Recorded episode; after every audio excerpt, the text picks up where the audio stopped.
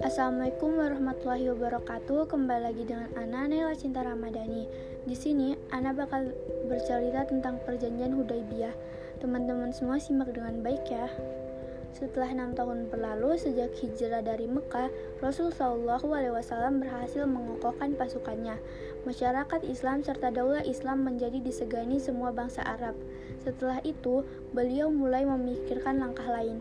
Langkah-langkah tersebut adalah cara untuk semakin menguatkan dakwah, daulah Islam, dan melemahkan musuh-musuhnya telah sampai kepada beliau bahwa penduduk Khaybar dan Mekah telah membentuk kesepakatan untuk memerangi kaum muslim. Untuk menghadapinya, beliau merumuskan strategi kebijakan yang bisa mengantarkan pada terbentuknya perjanjian damai dengan penduduk Mekah sehingga diharapkan dapat menghasilkan suatu kondisi yang menjamin tidak adanya peperangan antara beliau dan bangsa Arab serta mempermudah penyebaran dakwah di Jarisa Arab sekaligus dapat mengisolir penduduk Khaybar dari kafir Quraisy. Beliau melihat bahwa strategi ini hanya bisa dilakukan dengan mengunjungi Baitullah di Masjid Al-Haram yang dilakukan dengan damai, sehingga akan mengantarkan pada maksud pada maksud politis beliau. Beliau juga melihat bahwa dengan tidak adanya peperangan dengan bangsa Arab di bulan-bulan haram akan memudahkan beliau untuk menerapkan strategi tersebut mengetahui bahwa persatuan Quraisy telah terpecah dan ketakutan terhadap kaum muslim menyergap jiwa mereka. Strategi ini telah dirancang beliau dengan beribu kali pertimbangan karena itu beliau berencana pergi ke Bait Al-Haram untuk menunaikan ibadah haji. Jika kaum Quraisy menghalang-halangi ibadah hajinya, maka larangan itu menjadi alasan bagi beliau untuk mendakwakan Islam di seluruh bangsa Arab, sekaligus sebagai sarana untuk melancarkan propaganda menentang Quraisy. Karena itu, Rasul Shallallahu Alaihi Wasallam mengizinkan berhaji di bulan Zulqa'dah dan mengirimkan beberapa delegasi ke kabilah-kabilah Arab non-Muslim, mengajak serta mereka ikut bersama beliau keluar menuju Baitullah dalam keadaan aman dan damai tanpa perang. Hal ini dimaksudkan untuk memberitahu kepada bangsa Arab bahwa beliau keluar untuk berhaji, bukan untuk berperang. Be bersama beliau turut pula orang-orang Arab non-Muslim dan mereka tidak seagama dengannya, karena beliau tidak untuk berperang, melainkan untuk meraih opini umum yang akan berpihak kepada beliau. Seandainya kafir Quraisy mencegah beliau berhaji, beliau telah menetapkan langkah perdamaian. Karena itu beliau tidak mengizinkan kaum muslim membawa senjata, kecuali pedang-pedang yang tersimpan di dalam sarungnya. Beliau mengumumkan bahwa rombongannya telah keluar untuk berhaji bukan untuk berperang. Rasulullah SAW meninggalkan kota Madinah bersama dengan 1.400 400 orang laki-laki. Beliau berada di barisan terdepan menunggang untanya Al-Kiswa yang beriringan dengan 70 ekor unta lainnya. Beliau memakai baju ihram untuk umroh agar dapat menunjukkan kepada umat manusia bahwa beliau tidak bermaksud perang. Beliau keluar hanya untuk mengunjungi Baitullah Al-Haram untuk melampaui Eh, setelah melampaui Madinah dan melintasi gurun sejauh 6 atau 7 mil, rombongan haji ini sampai di Zul Khalifah dan mereka mengucap, mengucapkan talbiyah untuk umroh dari sana. Kaum muslim telah kaum muslim terus bergerak ke arah Mekah.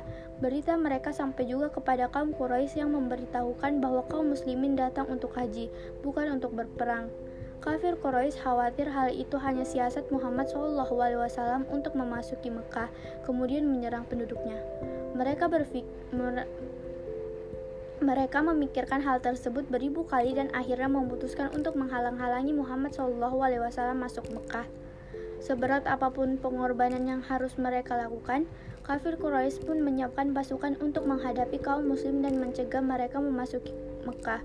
Mereka mengangkat Khalid bin Walid dan Ihrimah bin Abu Jahal memimpin pasukan yang sangat besar yang pasukan berkudanya saja berjumlah 200 orang. Pasukan musyrik keluar dari Mekah dan bergerak menuju arah rombongan yang datang untuk berhaji agar dapat mencegah mereka. Mereka tiba di Zutua lalu membangun perkemahan di tempat itu. Kabar tentang apa yang dilakukan kafir Quraisy, yaitu mereka telah mempersiapkan pasukan untuk mencegah berhaji, mencegahnya berhaji, telah sampai kepada Muhammad SAW. Ketika beliau sampai di perkampungan Aswan yang beranjak dua marhala dari Mekah, Rasul bertemu dengan seorang laki-laki dari Bani Ka'ab. Nabi Shallallahu Alaihi Wasallam bertanya kepadanya tentang kabar orang-orang Quraisy.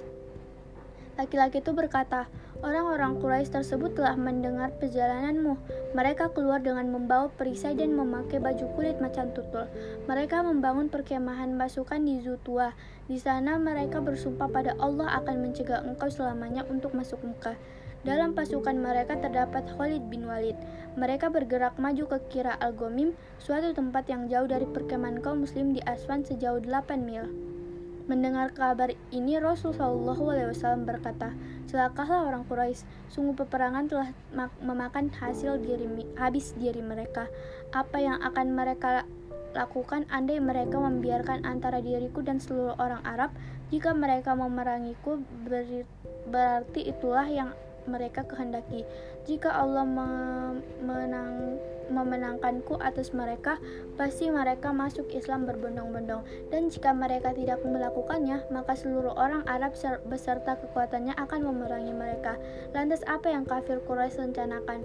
Demi Allah, aku demi Allah, aku akan terus berjihad atas dasar kebenaran yang aku diutus Allah dengannya hingga Allah memenangkan memenangkan kebenaran itu atau aku binasa karenanya. Artinya beliau akan terus berjuang hingga memperoleh kemenangan atau mati. Di sini beliau Shallallahu Alaihi Wasallam berpikir tentang perkara yang sedang dihadapinya. Beliau mengevaluasi kembali kebijakan-kebijakan yang telah digariskannya. Beliau memang telah menetapkan keputusan menggunakan jalan damai dan tidak menyiapkan diri untuk berperang. Namun, kenyataannya beliau melihat bahwa kafir Quraisy telah mengirimkan pasukan untuk memerangi dirinya, sementara beliau tidak ingin berperang. Jika demikian kenyataannya, apakah Rasulullah SAW harus kembali ke Madinah ataukah mengubah kebijakan damai dan beralih mengambil strategi perang? Beliau mengetahui bahwa kaum muslim dengan keimanannya mampu menghadapi perlawanan pasukan musuh dan terjun ke kancah peperangan meski mereka belum menyiapkan perang perang sama sekali. Akan tetapi beliau datang bukan untuk berperang dan memang tidak menetapkan untuk pergi berperang. Beliau datang untuk berhaji dan dalam keadaan damai. Seandainya beliau dipaksa dan dihalang-halangi pergi berhaji, beliau sebenarnya mampu mengatasi hambatan ini. Beliau memecahkan persoalan ini hanya menggunakan cara damai, tidak dengan cara berperang dan tidak akan terjun ke kancah peperangan. Kebijakan damai yang telah digariskannya, beliau maksudkan untuk membentuk opini umum di kalangan seluruh bangsa Arab tentang dakwah Islam dan keluruhannya, juga untuk membentuk opini umum di kalangan Quraisy dan di seluruh Mekah mengenai keluruhan dakwah ini, serta membentuk opini umum di kalangan bangsa Arab, Quraisy dan penduduk Mekah tentang kesalahan Quraisy, kesesatan, kejahatan, dan permusuhan mereka. Beliau menginginkan opini umum ini bisa membentuk iklim dakwah yang kondusif, karena keadaan tersebut merupakan salah satu faktor pendukung dakwah yang paling besar dalam penyebaran dan pencapaian kemenangan Islam. Berdasarkan hal ini, beliau menetapkan strategi kebijakan damai dan tidak menetapkan strategi perang. Jika tetap melakukan perang, berarti beliau telah menyalahi strategi itu sendiri dan merusak aspek yang menjadi alasan beliau keluar dari Madinah. Karena itu, beliau berpikir keras tentang apa yang harus dilakukan. Dalam pikirannya, pandangan beliau mampu membaca jauh ke depan. Berdasarkan pengalamannya yang banyak dan kecermatan strateginya dibanding dengan pemikiran manusia mana pun, dengan demikian beliau tetap meneruskan strategi damainya, sehingga tidak merusak maksud beliau sendiri keluar dari Madinah dan tidak menyalahinya. Sementara itu, di tengah-tengah bangsa Arab, kaum Quraisy mempunyai alasan untuk menyerang Rasul. Jadi, opini umum ternyata berpihak pada kafir Quraisy daripada terhadap beliau. Karena itu, beliau menyeru rombongannya, "Siapa yang bersedia berjalan keluar bersama kami melalui sebuah jalan selain jalan mereka sendiri?"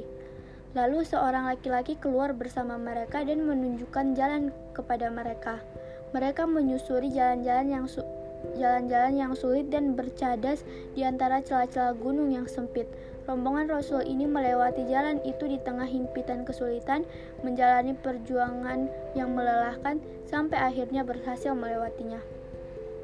Mereka berjalan terus hingga Sal, hingga Sal dan berhenti di lembah Mekah, suatu tempat yang dinamakan Hudaibiyah. dan di situlah mereka membuat perkemahan. Ketika pasukan Khalid dan Ikrimah melihatnya, maka mereka terkejut dan segera kembali ke induk pasukan untuk mempertahankan Mekah. Jika mereka panik dan ketakutan karena kaum muslim berhasil melampaui pasukan mereka dan menempati daerah perbatasan Mekah.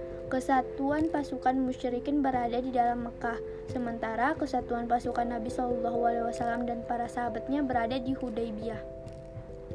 Kedua pasukan tersebut saling berhadap-hadapan, pasukan Quraisy di dalam Mekah, sedangkan kaum muslim di Hudaybiyah. Masing-masing berpikir tentang strategi yang akan dijalaninya dalam menghadapi musuh. Sebagi, sebagian kaum muslim berpikir bahwa Quraisy tidak akan membiarkan mereka melakukan haji. Mereka telah mempersiapkan perlengkapan perang untuk menghadapi kaum muslim. Karena itu, karena itu, tidak ada jalan lain kecuali memerangi mereka untuk mengalahkannya dan segera melakukan ibadah haji. Dengan demikian, mereka harus mampu mengakhiri riwayat kafir Quraisy dengan hukuman tuntas. Sementara itu, pihak Quraisy juga berpikir tentang mempersiapkan diri memerangi kaum muslimin dengan persiapan yang kemungkinan mampu menyerang dan menghancurkan mereka sehingga mereka terusir dari Mekah meski hal itu harus ditebus dengan kehancuran Quraisy sendiri. Meskipun kafir Quraisy harus lebih dulu mempertimbangkan kekuatan kaum muslim muslim beribu kali, pada akhirnya mereka memutuskan untuk tetap tinggal di Mekah sambil menunggu apa yang akan dilakukan kaum muslim. Adapun Rasul Shallallahu Alaihi Wasallam sendiri tetap berpegang pada strategi yang telah digariskannya sejak beliau berniat ihram untuk umroh di Madinah, yaitu strategi damai. Beliau telah berperang pada prinsip ini hingga berhasil mencapai tujuannya. Beliau tetap bertahan di Hudaybiyah sambil menunggu apa yang akan dilakukan kaum Quraisy. Beliau tahu bahwa Quraisy gemetaran karena takut terhadap dirinya. Mereka sepertinya akan mengirim utusan kepada beliau untuk berunding tentang kedatangannya untuk berhaji. Quraisy kemudian mengirimkan Badil bin Waroqa, seorang laki-laki dalam rombongan Bani Huza'ah sebagai utusan perundingan. Tugas yang harus jalankannya adalah bertanya kepada Rasul Shallallahu Alaihi Wasallam mengenai tujuannya datang ke Mekah. Tidak lama setelah perundingan, akhirnya mereka puas karena ternyata kaum muslim tidak datang untuk maksud perang, melainkan mereka datang untuk mengunjungi Baitullah demi menganggung, mengagungkan kemuliaannya. Setelah itu, utusan tadi kembali untuk meyakinkan Quraisy dengan kabar tadi dan berusaha keras meyakinkannya sehingga Quraisy mencurigai mereka telah berpihak kepada Muhammad SAW. Mereka tidak mempercayai ucapan para utusan ini. Mereka mengirimkan utusan lain di bawah kepemimpinan Mukris bin Hafaz. Namun nasibnya juga seperti utusan pertama. Kemudian mereka mengirimkan Halis bin Al-Qamah kepala suku Al-Habisi untuk berunding dengan Muhammad SAW. Quraisy mempercaya Quraisy percaya kepadanya maupun kaumnya dalam memusuhi Muhammad SAW. Quraisy memang bermaksud membangkitkan gelora permusuhannya terhadap kaum muslim. Jika kembali dan perundingannya tidak berhasil, tentu, demba, tentu dendam hasil halis bertambah besar dan semangat untuk mempertahankan Mekah semakin meningkat. Nabi Shallallahu mengetahui keberangkatannya. Lalu beliau memerintahkan agar hewan-hewan sembelihan untuk umrah dilepaskan di hadapan beliau, agar hewan-hewan itu dalam pandangan halis menjadi bukti yang bisa dilihat langsung bahwa niat kaum muslim memang untuk haji bukan perang. Halis pun berangkat dan ketika sampai di, per, di perkemahan kaum muslimin, dia melihat unta-unta berkeliaran di lembah. Dia juga menyaksikan gerak-gerik kaum muslim beserta hewan-hewan sembelihan untuk had yang benar-benar menunjukkan sebagai sebagai rombongan umroh, bukan sebagai pasukan perang. Tampak di kemah-kemah mereka suasana ibadah. Pembandangan ini membawa pengaruh yang amat meyakinkan Halis bahwa mereka mereka sungguh-sungguh bertujuan untuk ibadah, bukan perang. Tidak lama dia tinggal di daerah pengintaiannya dan telah puas melihat kenyataan kondisi kaum muslim itu. Bahkan Halis pun kembali ke Mekah, padahal dia belum bertemu Rasul Shallallahu Alaihi Wasallam. Dia mengabarkan kepada Quraisy dan meminta mereka supaya membiarkan kaum muslim melaksanakan haji. Hali sangat marah pada sikap Quraisy yang keras kepala dan mengancam mereka jika tidak memberi kemudahan pada Muhammad yang hendak mengunjungi Ka'bah, maka Halis dan orang-orang Al-Habisi akan meninggalkan Quraisy dari Mekah. Akan tetapi Quraisy buru-buru memohon Halis bersabar sejenak dan meminta Halis supaya memberi tangguh agar mereka bisa memikirkan persoalan tersebut dengan matang. Halis pun tidak mempedulikan mereka lagi.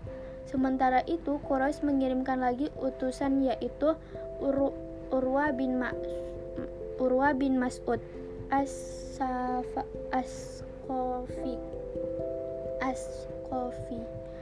Tentu setelah mereka berhasil meyakinkannya bahwa mereka merasa mantap dan percaya dengan pikirannya, Urwa, Urwan Urwah Urwah berangkat menemui Rasul Shallallahu Alaihi Wasallam dan mengajak berunding agar Rasul kembali saja dari Mekah.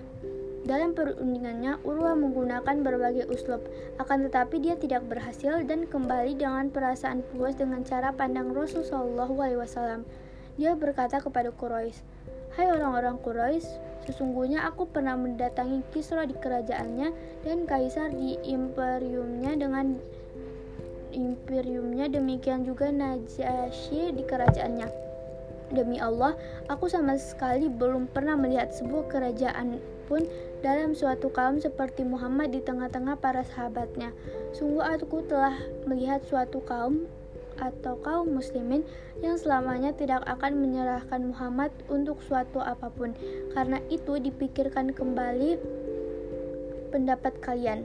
Kebencian dan dendam kafir Quraisy semakin menjadi-jadi. Lobby terus berlangsung dan memakan waktu lama tanpa mencapai kata sepakat.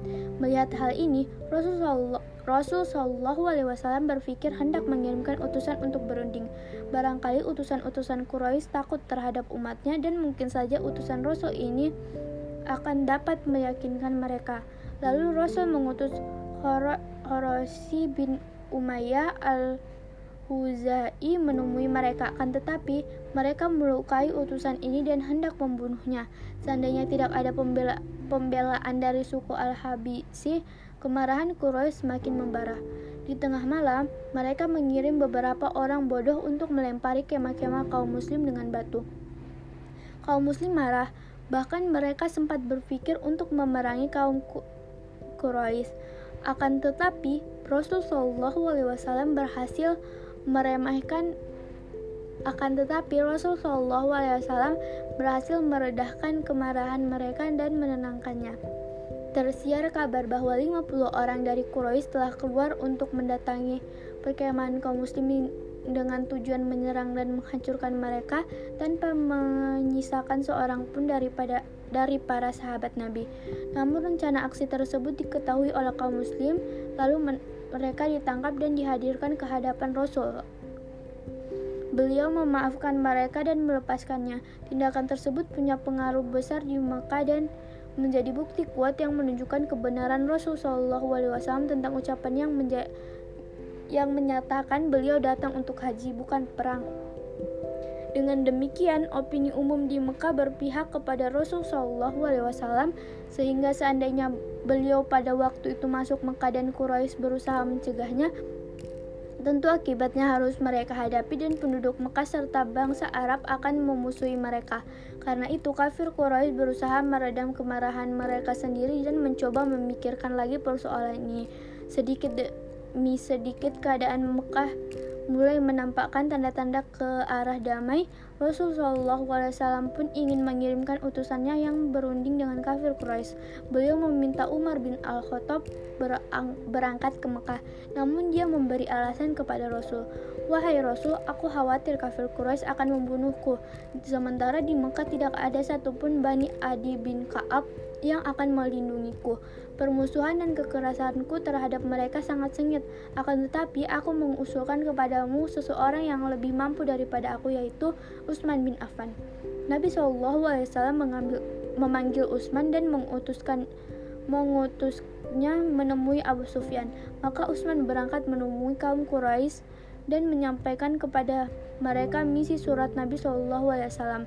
Mereka berkata, "Jika engkau hendak tawaf di Baitullah, maka tawaflah. Utsman menjawab, Aku tidak akan melakukan hingga Rasul SAW juga tawaf. Kemudian Utsman berunding dengan mereka tentang pentingnya tawaf Rasul. Namun Quraisy menolak usulan itu. Perundingan di antara mereka menjadi berkepanjangan dan terus berlangsung.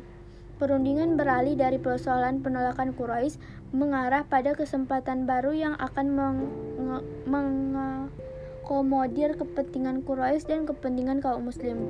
Mereka membahasnya dengan Utsman tentang kemungkinan membentuk hubungan antara mereka dengan Muhammad SAW.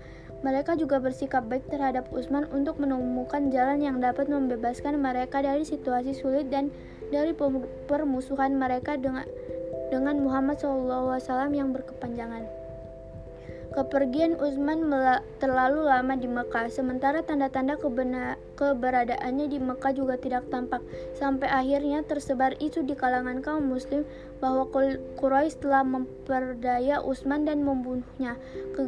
Kegelisahan kaum muslim memuncak dan sempat mencemaskan Nabi SAW bahwa Quraisy telah membunuh Utsman. Akibatnya kaum muslim bergolak bergolak dan goncang.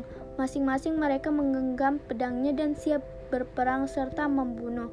Seketika itu pula Rasulullah SAW mengevaluasi kembali pandangan tentang strategi yang telah digariskannya, yaitu strategi damai.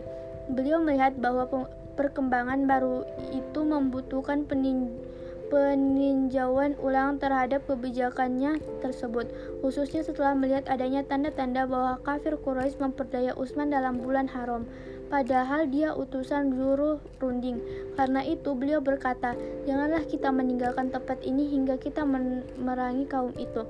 Beliau memanggil sahabat-sahabatnya, lalu diajaknya berdiri di bawah sebuah pohon seraya meminta mereka memberikan ba baiat kepadanya. Mereka semua berbaiat untuk tidak lari dari peperangan hingga mati. Mereka sangat bersemangat dalam kekuatan yang luar biasa dan keberanian keimanan. Ketika selesai mengadakan bayat Rasulullah Rasul Shallallahu Alaihi Wasallam memukulkan salah satu tanda salah satu tangannya kepada lainnya sebagai tanda bayat untuk Utsman. Seakan-akan Utsman hadir bersama mereka. Bayat ini dinamakan bayat Ridwan. Mengenai peristiwa ini Allah Subhanahu wa taala menurunkan ayatnya. Sesungguhnya Allah telah ridho terhadap orang-orang mukmin ketika mereka membaiatmu di bawah pohon. Maka Allah memberi maka Allah mengetahui apa yang ada dalam hati mereka lalu menurunkan ketenangan atas mereka dan memberi balasan kepada mereka dengan dengan kemenangan yang dekat waktunya.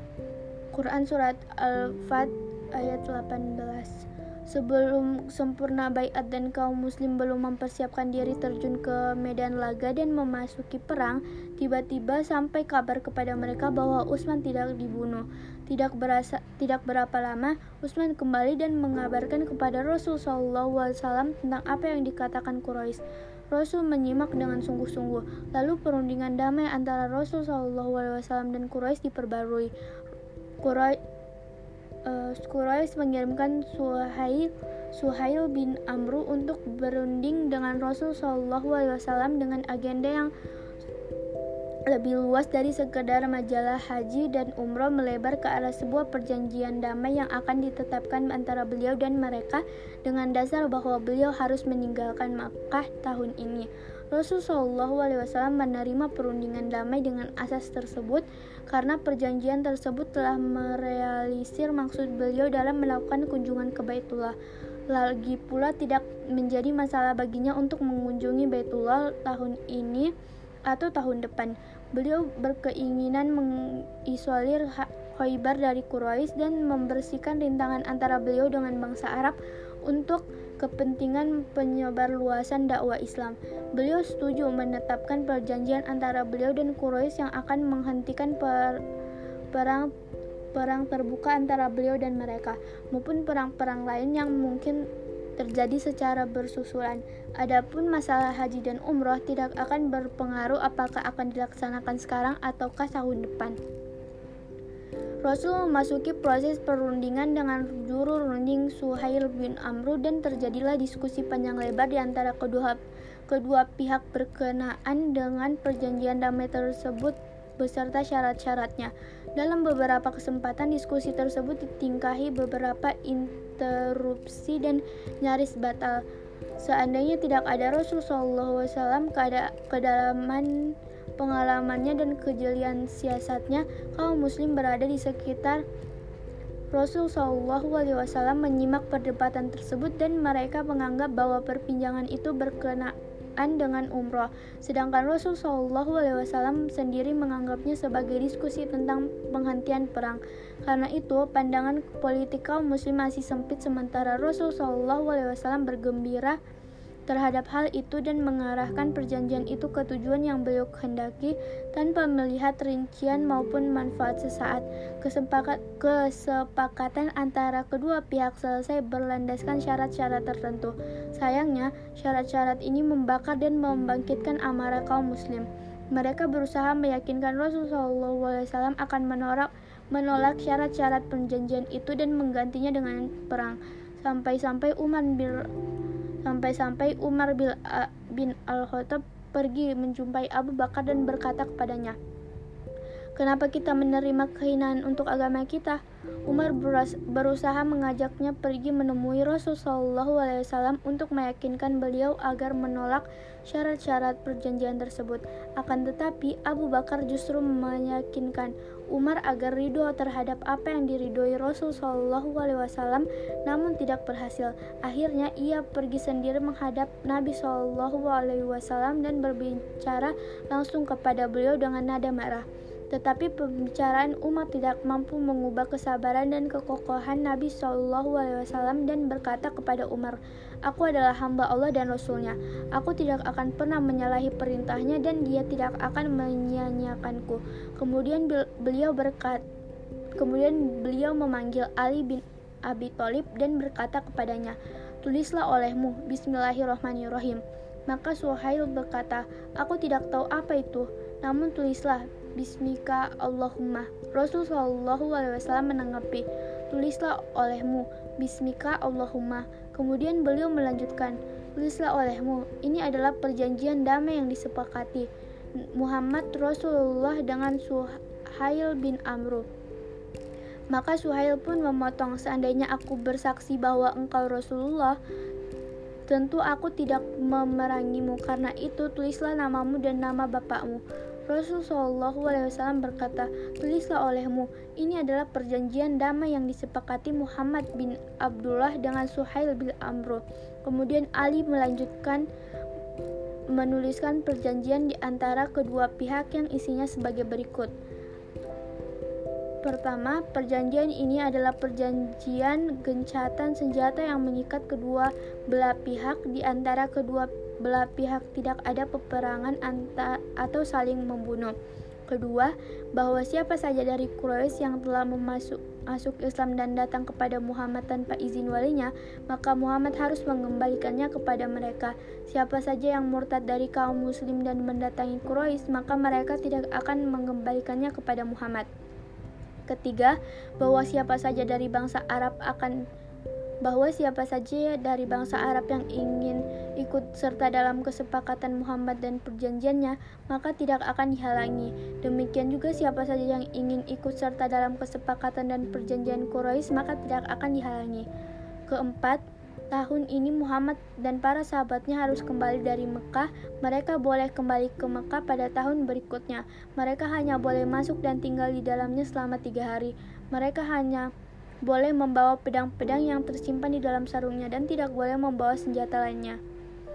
Kelima, perjanjian diadakan dalam batas waktu tertentu. Masanya selama 10 tahun sejak tanggal penandatanganannya. Rasul dan Suhail menandatangani perjanjian di tengah gelora dan kemarahan ke pasukan kaum muslimin. Suhail berdiri dan langsung kembali ke Mekah. Sementara Rasul masih berada di tempatnya dalam suasana kebingungan, kemarahan, dan ketidaksukaan kaum muslimin yang muncul dari semangat sikap keras dan harapan besar untuk berperang. Beliau menemui istrinya yaitu Ummu Salmah yang menyertainya dan mengabarkan kepadanya tentang kelakuan kaum muslimin. Dia berkata kepada beliau, Wahai Rasulullah, kaum muslimin tidak akan menentangmu. Sesungguhnya mereka sangat bersemangat untuk berperang karena agama dan iman mereka kepada Allah dan risalahmu. Karena itu, bercuk bercukur dan bertahalu bertahalulah niscaya engkau akan menemukan kaum muslimin mengikutimu. Kemudian kita kembali ke Madinah bersama mereka. Rasul keluar menemui kaum muslimin. Beliau kemudian mencukur rambut dan sebagai penutup umrah. Jiwanya penuh dengan ketenangan dan ridho. Ketika kaum muslimin melihat Rasul tetap tenang, mereka segera melalui hari nahar dan ikut mencukur dan memendekkan rambut. Memendekkan rambut. Nabi Shallallahu Wasallam dan kaum muslimin kemudian kembali ke Madinah. Di tengah perjalanan pulang, turun surat Al-Fat kepada Rasul Shallallahu Wasallam. Beliau membacakannya kepada kepada mereka dari awal hingga akhir. Mereka semua akhirnya yakin bahwa perjanjian ini adalah kemenangan yang amat nyata bagi kaum muslimin. Kaum muslimin tiba di kota Madinah. Rasul Shallallahu Wasallam telah melaksanakan strateginya dalam menyelesaikan masalah Haibar. Penye penyebaran dakwah di luar Jarizah, menstabilkan kondisi dalam negeri Jarizah dan mengisi kekosongan waktu akibat adanya perjanjian damai dengan Quraisy untuk menyelesaikan permasalahan yang ad yang masih ada pada sebagian suku Arab serta menjalin hubungan luar negeri. Dengan demikian sempurnalah tujuan-tujuan itu berkat dilakukannya perjanjian ini beliau berhasil melaksanakan strategi yang telah beliau susun saat akan berhaji dengan cermat. Meski dihadang oleh berbagai kesulitan dan kekerasan, beliau akhirnya mencapai tujuan politik yang telah ditetapkannya. Sehingga perjanjian Hudaybiyah merupakan kemenangan yang nyata dan di antara hasil-hasil hasil-hasil lain sebagai berikut. Yang pertama, mengantarkan Rasul Shallallahu Alaihi Wasallam kepada opini umum yang mendukung dakwah Islam di seluruh bangsa Arab pada umumnya di Mekah dan dengan Quraisy pada khususnya. Hal itu menyebabkan semakin kuatnya kewibawaan kaum muslimin sekaligus melemahkan kewibawaan Quraisy. Yang kedua, menyiapkan kepercayaan memper Kedua, menyiapkan kepercayaan kaum muslimin kepada Rasul Shallallahu Alaihi Wasallam menunjukkan kekuatan iman kaum muslimin dan kekokohan mereka dalam menghadapi mara bahaya sekaligus bahwa mereka tidak takut mati. Yang ketiga, mengajarkan kepada kaum muslimin bahwa manuver politik merupakan sarana dakwah Islam. Yang keempat, menjadikan kaum muslimin yang masih tinggal di Mekah di tengah-tengah kaum musyrikin untuk membentuk kantong-kantong dakwah di dalam jantung barak musuh. Yang kelima, menjelaskan bahwa torikoh dalam politik harus berasal dari fikrah itu sendiri dan disertai kejujuran serta memenuhi janji. Sedangkan sarana politik harus mencerminkan kecerdikan, yaitu menyembunyikan sarana-sarana dan tujuan-tujuan politis yang sebenarnya dari pandangan musuh. Sekian cerita yang ada ya sekian cerita yang dapat Anda sampaikan. Mohon maaf apabila ada kata yang kurang berkenan, mohon dimaafkan. Uh, Ana pamit undur diri. Wassalamualaikum warahmatullahi wabarakatuh.